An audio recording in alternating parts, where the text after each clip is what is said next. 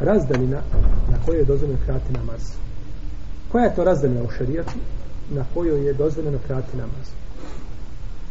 Ovo pitanje je sigurno veća problematika od prethodnog. Jer sva je ulema složna da je čovjeku na putu u najmanju ruku dozvoljeno šta da krati. Tu nema razdaljina. Nikad niko nije rekao ne može krati. Koliko znam od ulemeje, od koje se uzima i koja govori da neko rekao ne može se krati. Sva, svi složi da može. Samo je stvar da li je bolje, da li je obaveza ili nije obaveza, no međutim, da se može krati, niko tome nije kontrirao. Međutim, ovo pitanje kod njega postoje veća razilaženja i često se o njemu priča i polemiš. Kada je u pitanju kraćenje ili razdanina na koje je dozvoljeno kratke namaze, islamski učenjaci imaju tri mišljenja. Prvo mišljenje da je razdaljina kraćenja 48 milja, što otprilike bi moglo biti nekih 85 km. I ovo je stav Ibn Omara, Ibn Abbasa i Hasana al Basrija i imama Ezuhrija i također mesel imama Malika i Leisa i Šafije i Ahmeda i Ishaqa i Ebu Seura izrazite većine i sad slučaju. Da kažu šta? Kraćenje 48 milija. Znači neki 85 km ili malo manje ili više od toga. I prenosi se od Ibn Abbasa u predaji koju obiloži Dare Kutni da je poslanik sa osam rekao o stanovnici Mekije nemojte krati ako putujete na razdanju manju od četiri buruda, a to je otprilike ta razdanja koju su spomenuli. No, međutim, ovaj hadis je munker. Munker, daif, nije ispravan. I prenosi se od Ibn Abbas i Ibn Omara kako bilježi Buharija u svome sahihu bez lanca prenosilaca, a lanac prenosilaca je spojio imam Bejaki u svome e, sunenu sa vjerodostojnim senedom, da su Ibn Omar i Ibn Abbas da nisu kratili, niti su prekidali post ako je put bio manji od ove razdelje. Manji od četiri buruda, to znači iznosi neki 48 mila. Drugo mišljenje je da je kraćenje namaza put koji se prevali tri dana i tri noći kada se jaše na devi. Znači putuje se tri dana i tri noći na devi i put koji se prevali da je to šta? Razdaljina za kraćenje. Bila ova razdaljina bila veća ali manja od prve? Oni? Možda veća, možda manja. Srednje znači uzimamo uvijek srednje putovanje bila bi veća svakako da bi bila veća jer putnik za tri dana i tri noći može prevaliti puno više od 85 km puno više znači možda duplo ako ne kaže po toliko jer pješak ide koliko na sat ide kilometara 6, 6 km ide prosječno neka ide 5 za 10 sati će prijeći koliko 50 km pješak sigurno znači da je sa jahalicom ovaj više izdržljivije tako da ovaj može se znači a, kada bi čovjek pola dana pje, pješačio mogao bi znači preći ovu razinu pa bi bilo sigurno ovo više nego u prvom slučaju i to je stav Ibn Sauda i to je stav Suvejda Ibn Gafla i to je stav Šabija i Nehajija i Seurija i Mesebebu Hanife i oni to dokazuju hadisom poslanika sallallahu alaihi wa sallame koga bliže Buhare i Muslim od Ibn Omara da je poslanik sallallahu alaihi wa sallame rekao neće žena putovati razdaljinu a tri dana osim sa mahramom osim sa mahramom i dokazuje to hadisom Ali ibn Abi Taliba koga smo spominjali u poglavlju potiranja po mestama da je poslanik sa osanom učinio olakšicu da putnik potire tri dana i tri noći po mestama a čovjek koji bori mjesto boravka dani noći pa kažu znači putnik je tri onaj ko putuje tri dana i tri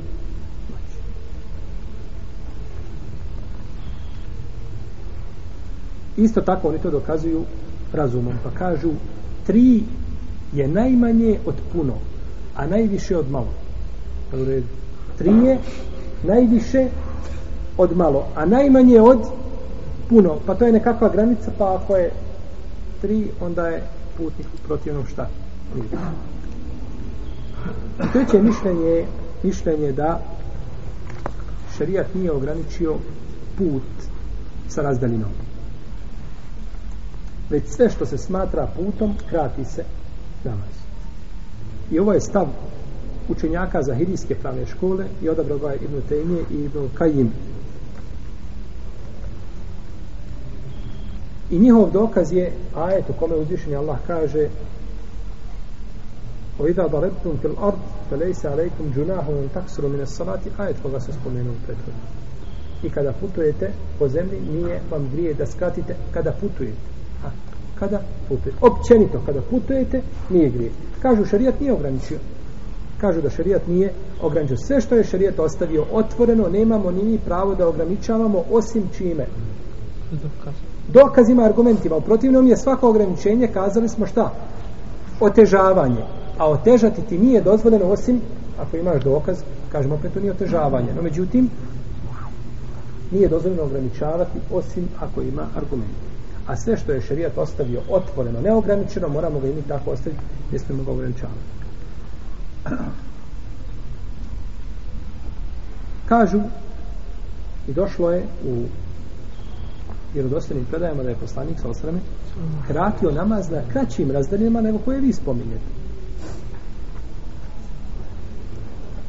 Pa je došlo od Enesa ibn Malika u predaj koji je držao ovaj muslim da je poslanik sa osrame kratio kada iziđe tri milja tri milja dok iziđe da bi kratio ili tri persaha bez obzira opet nije došlo do te razdaljine klanjamo bi dva rekiata pa kaže ovo je jasan dokaz da je dozvoljeno krati namazi i na manjim i na manjim rastojanjima no međutim većina učenjaka kaže poslanik sa osreme je izišao na dalji put pa kada je izišao tri milja iz svoga mesta boravka kratio je namaz Nije to problematično, ne sporimo se oko toga.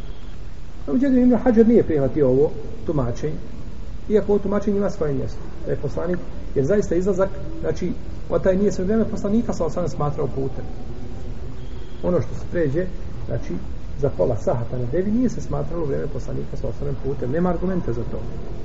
Od Enesa Ibn Malika kaže, klanjao sam sa poslanikom za osam u Medini, četvrde kjata podne, a klanjao sam na Zulhu Lejfi, uh, Abaru Ali, danas kako se zove mjesto, znači Mikat, stanovnika Medine i oni koji polaze sa te strane, kaže, klanjao sam tu dva rekiata. A između njih je tri milje. Tri milje, koliko je jedna milja? Zavisno koja milja koja se uzima, obično se računa po, znači, ob, molim? Obično se računaju, a se govore o mene, računaju se ove milje koje su, mislim, kilometar i 800 metara. Koliko? U svakom slučaju, nije opet to razdaljina kada bi bila i 2 km, to je razdaljina od 6 km. To je znači mala razdaljina za kraćenje namaza. I kažu, došlo je od Ibn Abbas i Ibn Omara da su kratili na manje nego što je spomenuto, iako nije autor ne vodio te predaje. I kažu, i da jeste potvrđeno od njih, ima drugih ashaba koji su smatrali suprotno tome. Pa ne može biti dokaz šta? Postupka sahaba ne može biti dokaz. A što se tiče hadisa, neće žena putovati osim neće putovati tri dana i tri noće osim sa mahremom. Kažu, to nije došlo ograničenje šta je putnik, a šta nije putnik, nego je došlo da se ukaže kada je ženi dozvoljeno da putuje sama, a kada nije jer je došla predaja od Ibnu Mesauda, u drugoj predaji se kaže ne može žena koja vjeruje u Allah i sudnji dan putovati dan i noć bez vana. Pa šta je, sad dan i noć ili su tri noći?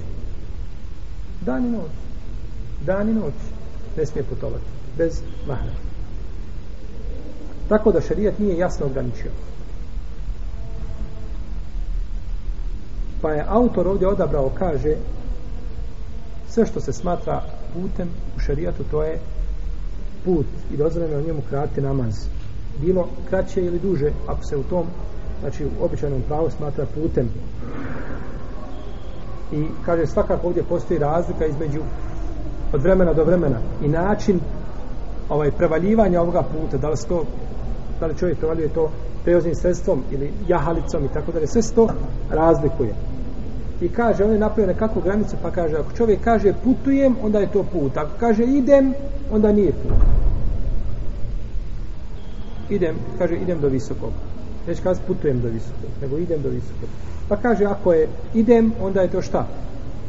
Nije, ne smata se putem. Ako je putujem, onda je put. No, međutim, malo alim da ovo nije precizno. Ali ovo, ovo, ovo, e, ovaj, ovaj, ovo mišljenje ima svoje mjesto. Pa je ovo mišljenje i prvo mišljenje koje je spomenuli jaka soba dva mišljenja. Znači, zbog većine izrazite većine uleme koja ga zastupa i poznata dva sahaba, da je jako da bude ti 85 km, A ako ne možemo ocijeniti po tome da se onda vratimo na šta? Na ono što je put. A ako ne znamo šta je put, jeste ili nije, onda ćemo se vratiti na mišljenje prvih učenjaka, na prve skupine, a to je da je šta?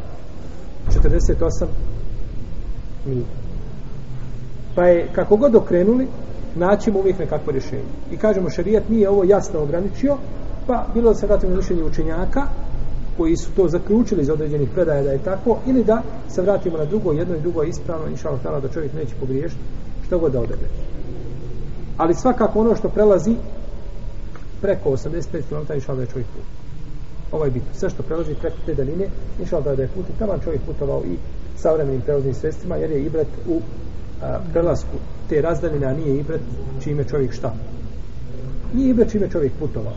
Nije ibret čime čovjek putovao, iako može biti i bret gdje kod drugog mišljenja jer čovjek danas koji putuje 80 km možda ne smatra putem pa ja to pređem autoputem ako putujem za pola sahta i to za mene nije nikakav put a u vrijeme dok se jahalo na jahalicama to je bio šta?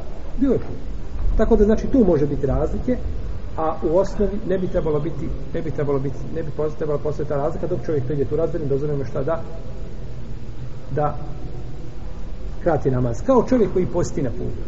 Posti na putu i vozi se u auto koji pa ima, koji ima uređaj, lijepo mu posti. Nikakvu poteškoću ne osjeća. A drugi jaše na devi po pustinskom suncu. Ali jedan i drugi mogu šta? Ostaviti post, tako? Iako jedan uživa, a drugi se, kažemo, uslovno, jeli, imate gobu ili poteškoću, no međutim, jedan i drugi su šta? putnici. E dok si putnik i dok ulaziš u okvir putnika, tebi je dozvoljeno šta da ostaviš post. E isto tako da kratiš, da kratiš na. Autor je nakon toga spominjao i druga pitanja koja se tiču, znači, putnika i propisa puta, pa ću mišao sada o tome govoriti u našim narednim družinima, koji će lahko prepariti sada da nas pouči našoj vjeri sunetu, sallallahu alaihi sallam, i da popravi naša djela i naše stanje, stanje naših porodica, stanje muslimanskog društva općenito, الله تعالى على صلى الله على نبينا محمد وعلى آله وأصحابه أجمعين